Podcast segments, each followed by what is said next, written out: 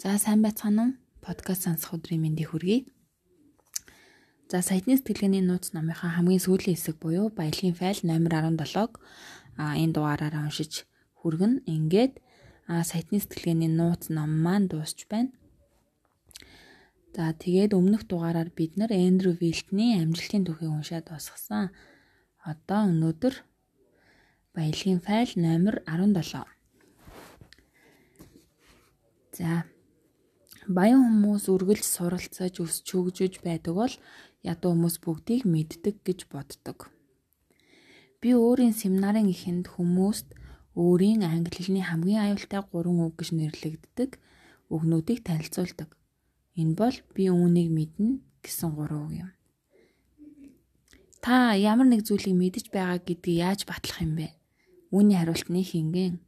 Та үүнийг амьдралд хэрэгжүүлдэг бол мэдэж байна гэсэн үг юм. Үгүй бол та тэр талаар сонссон, уншсан, эсвэл ярьдаг боловч үнэндээ мэддэггүй юм байна.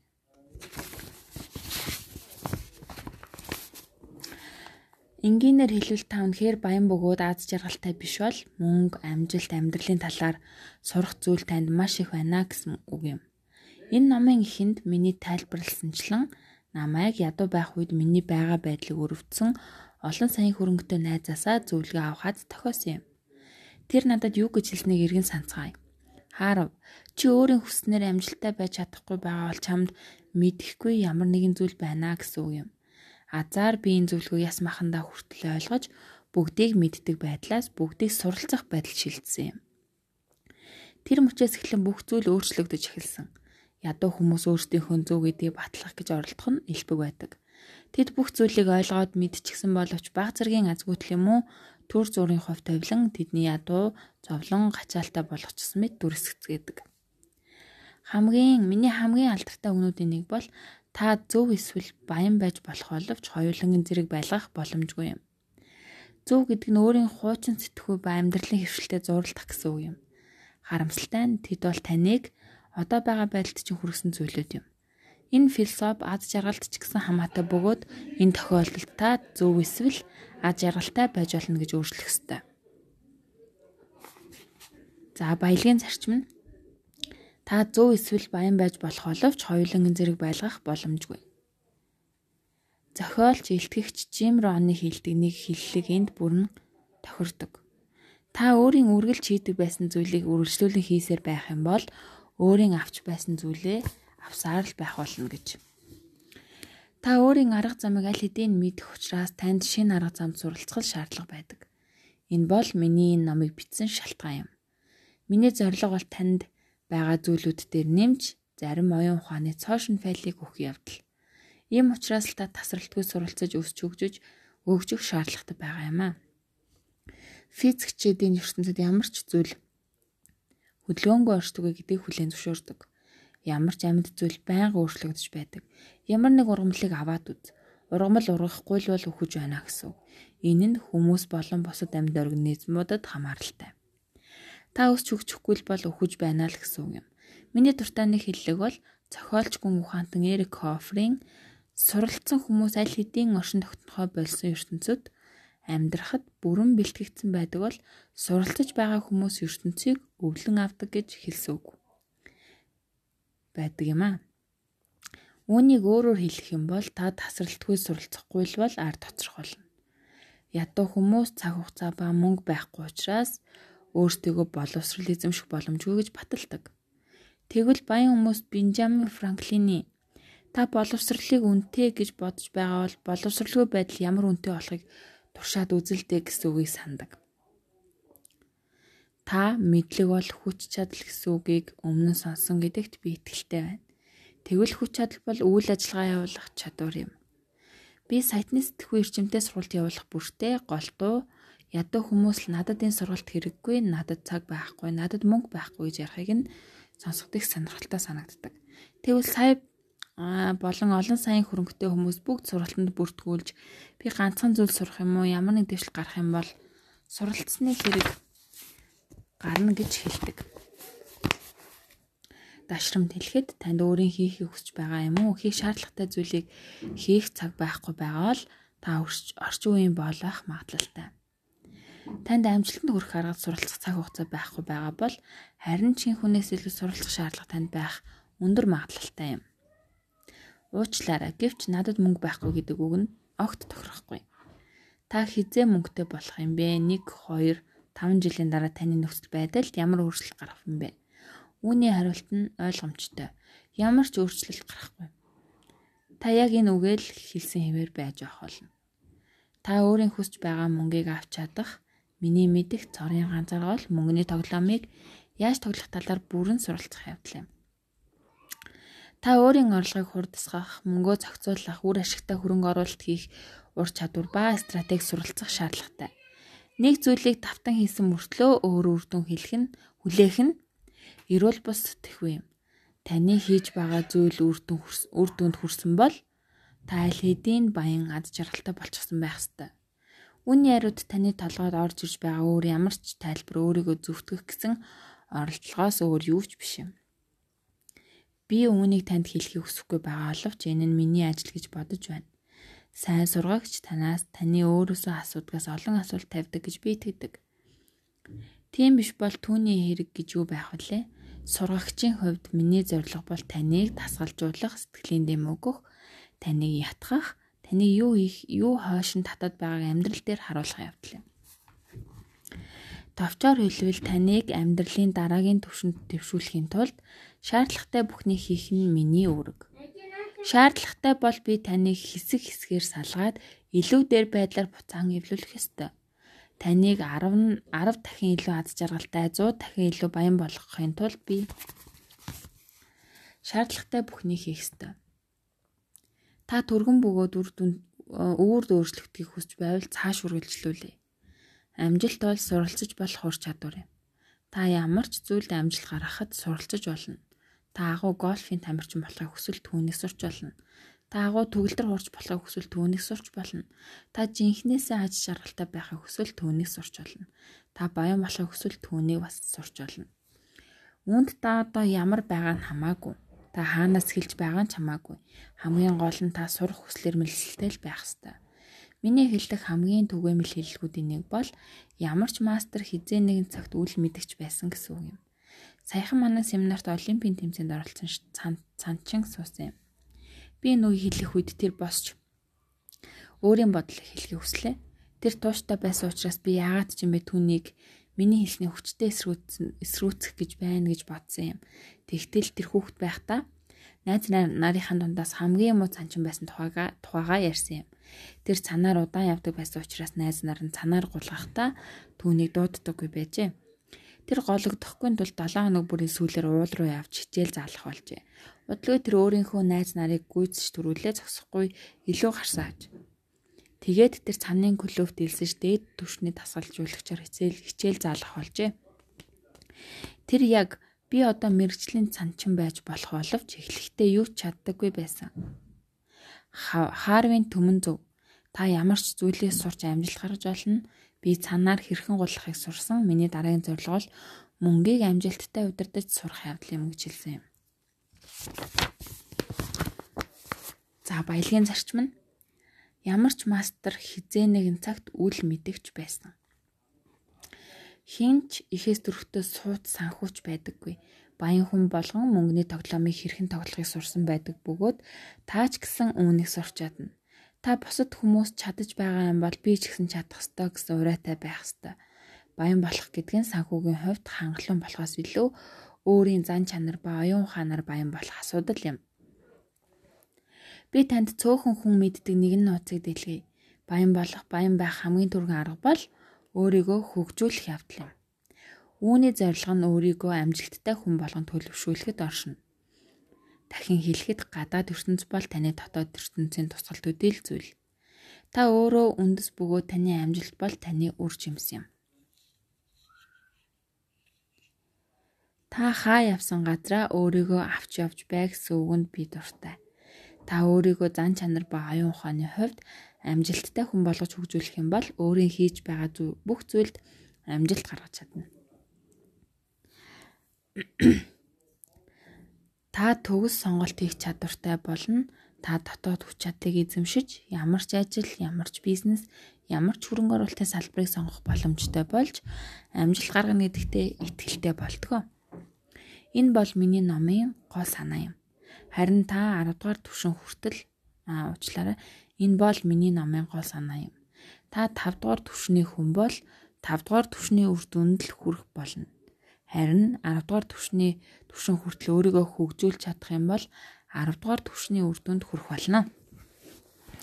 Гэхдээ нэг зүйлийг анхааруулъя та өөр дээрээ гүйцэтгэх дотоод үйлээ дотоод ажиллагаа хэрэгжүүлэх хэрэгжүүлээгүй байж ямар нэгэн арга замаар хэмжээний мөнгө оллоо гэхэд энэ нь хад тохиосон хэрэг бөгөөд мөнгөө буцаан алдах магадлал магадлал хамгийн өндөр байх болно. Гэвч тэ дотоод ба гадаад бүх талаараа амжилттай хүн болж чадвал мөнгө олоо зогсохгүй түүнийг улам өржүүлж жинхнээсээ аз жаргалтай болох болно.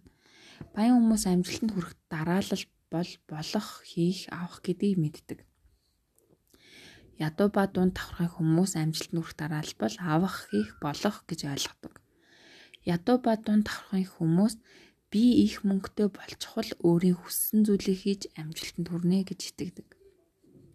Баян хүмүүс би амжилттай хүн болж чадвал шаардлагатай зүйлийг хийж өөрийн хүссэн зүйл дээр зүйл тэр дундаа их мөнгө хэмжээний мөнгийг олж чадна гэж боддог. Энд зөвхөн баячуудын мэддэг бас нэг зүйлээ хэлж өгье. Баялагийг бий болгох үндсэн зорилгоо л их хэмжээний мөнгөтэй болох биш юм. Өөрийгөө боломжийн дээд хязгаарт хүртэл нь шилдэг хүн болоход оршдог. Үнэн хэрэгтээ өөрийгөө хөгжүүлэх гэдэг нь бүх зорилгоудын дундаас хамгийн том зорилго юм. Дэлхийд даяар алдартай дуучин жүжигчин Мадонногоос яагаад жил бүр өөрийнхөө гадаад байдал хөгжим хэв маягийг байнга өөрчлөгдөг өөрчилдөг юм бэ гэж асуусан байна. Тэр үүнд хөгжим бол түүний өөрийгөө илэрхийлэх арга зам бөгөөд жил бүр жил бүр өөрийгөө өөрчлөнөөр өөрийн хүсэж байгаа хүн болон хөгждөг гэж тэр хариулсан байна. Тавчаар хэлвэл амжилт бол юу гэдгээс биш хин гэдгээс хамаардаг байна. Гэхдээ сайн мэдээ дуулахад таны хэн болохыг дадлах сургалтаар тодорхойлох бүрэн боломжтой байдаг. Би мэдэж байна.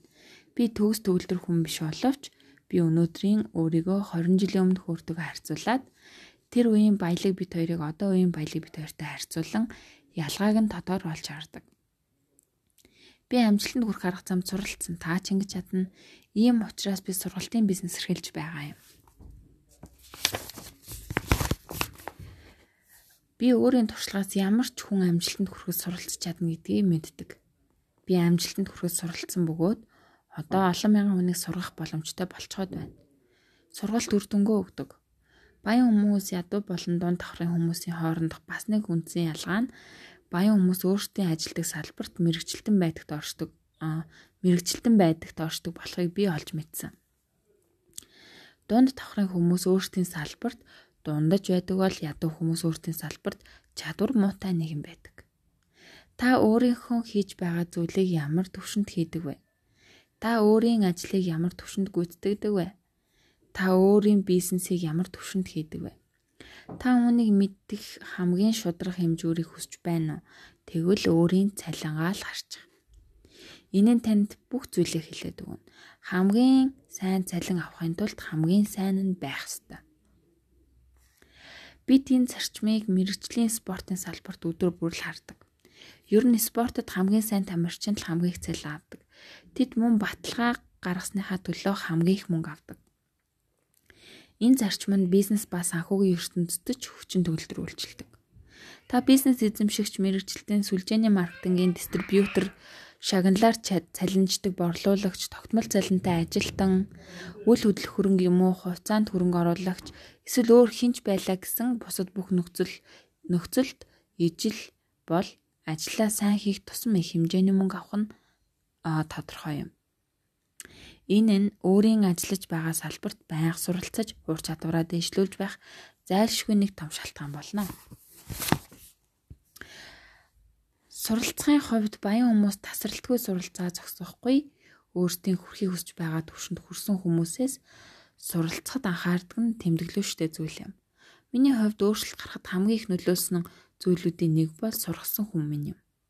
Би үргэлжил өөрийнхөө салбарыг бүрэн эзэмссэн хүмүүсээс суралцахыг чухалчилж ирсэн. Өөрсдийгөө өндөр мэрэгчлэлтэн гэж батлан ярьдаг хүмүүсээс биш, харин яриагаа батлах бодит үр дүнд хүрсэн хүмүүсээс суралцдаг. Баян хүмүүс өөртөөсөө баян хүмүүсээсээ зөвлөгөө авдаг. Ядуу хүмүүс өөрсдөдөө ижлэхэн ядуунаас нөтөөсөө зөвлөгөө авдаг. Би саяхан надтай хамтарч бизнес хийхийг хүссэн нэгэн хөрөнгө оруулалтын банкны эзэнтэй уулзсан юм. Тэр намайг эхний ээлжинд хэдэн зуун мянган долларын хөрөнгө оруулалт хийх санал тавьсан юм. Тэгээд тэр надад зөвлөгөө өгөхийн тулд миний санхүүгийн тайлангуудыг үзхийг хүслээ. Би түүний нүд рүү харж уучлаарай. Та эсрэгээр нараад байгаа юм шүү. Та миний мөнгийг зохицуулахыг хүсэж байгаа бол өөрийнхөө санхүүгийн тайлангуудыг надад үзүүлэх ёстой биш гэж юу? Та тийм ч их баян биш бол санаа зовох хэрэггүй гэж хэлсэн юм. Тэр хүн гайханд цочирдсан байв. Урд нь хинч түүнд хөрөнгө оруулалт хийхдээ түүний цэвэр хөрөнгийн талаар асууж байгаагүй гэдэгт би итгэлтэй байна. Энэ бол утгагүй зүйл юм. Та Эверестийн ууланд авирах гэж байгаа бол уулын оройд нь урд нь гарч байгаагүй хөтөж хөслөх байсан уу эсвэл уулын оройд хит хит удаа гарсан учраас яаж гарахын сайн мэддэг хөтөж хөслөх байсан уу? Иймээс би танд тасралтгүй суралцахад нухацтай хандаж анхаарал баярч хүчээ зориулахын хамт суралцж зөвлөгөө авах хүнээ сонгохдоо болгоомжтой хандахыг зөвлөж байна. Ядуу хүмүүсээс зөвлөгөө авах юм бол тэд зөвлөх, сургагч, төлөвлөгч байсан ч гэсэн ганцхан зүйлийг л танд зааж чадна. Яаж ядуу байх вэ гэдгийг.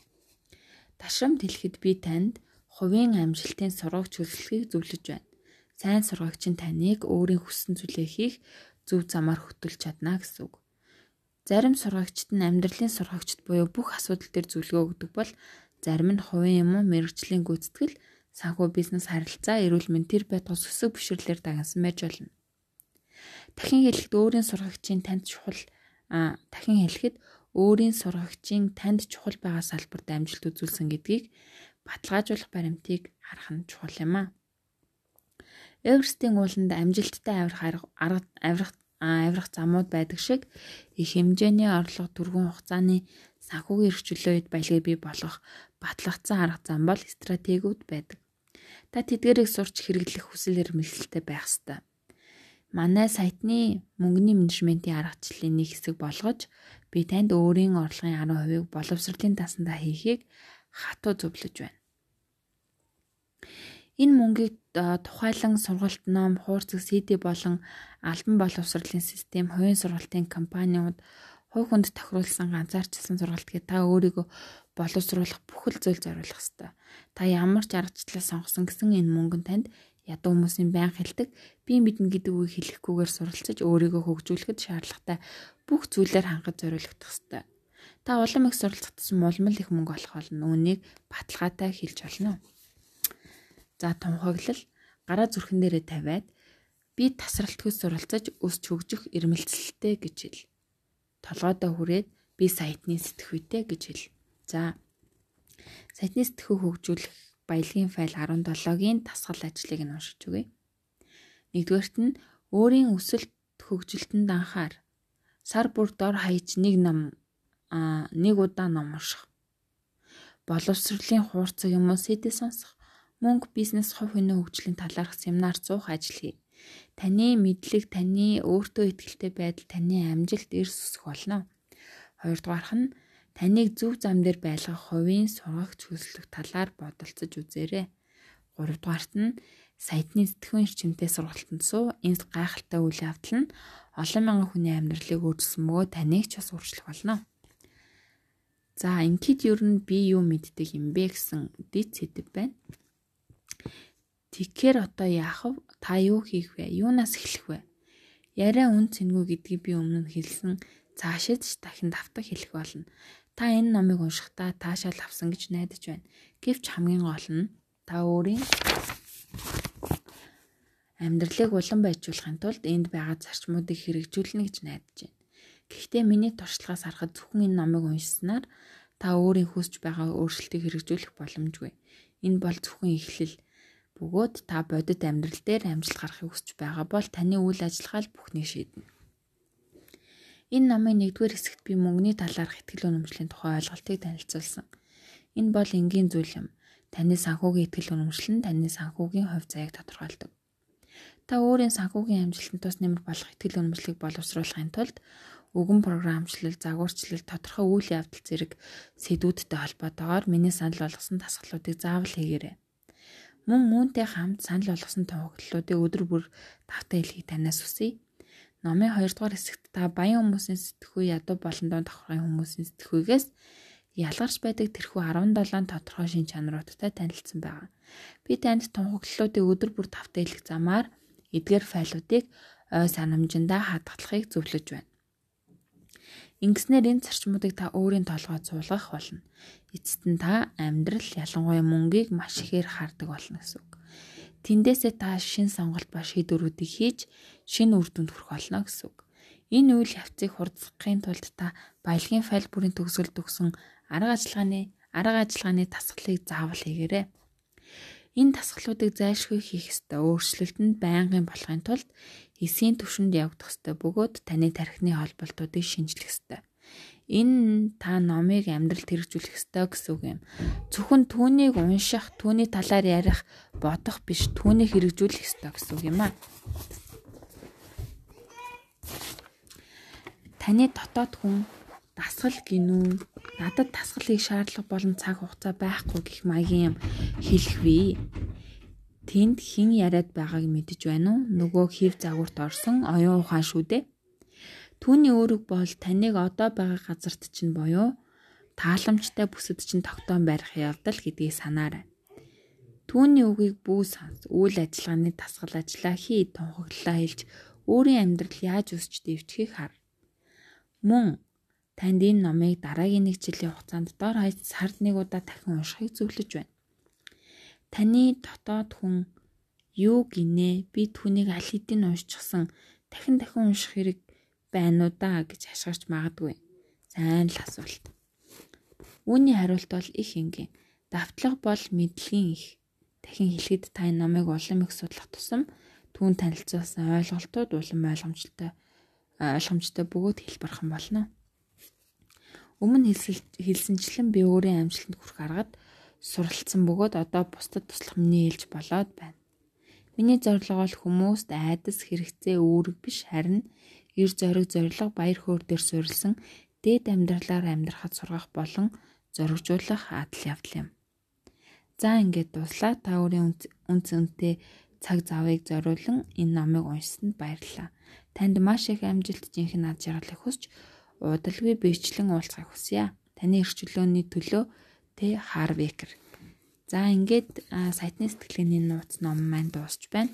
Та бүхэн маань бас цаг зав зориулаад миний уншсан подкастыг сонсоорой. Магадгүй танд сайтны сэтгэлгээний ном гэртэн байгаа бол заавал өөрөө уншиж үзээрэй гэж зөвлөё.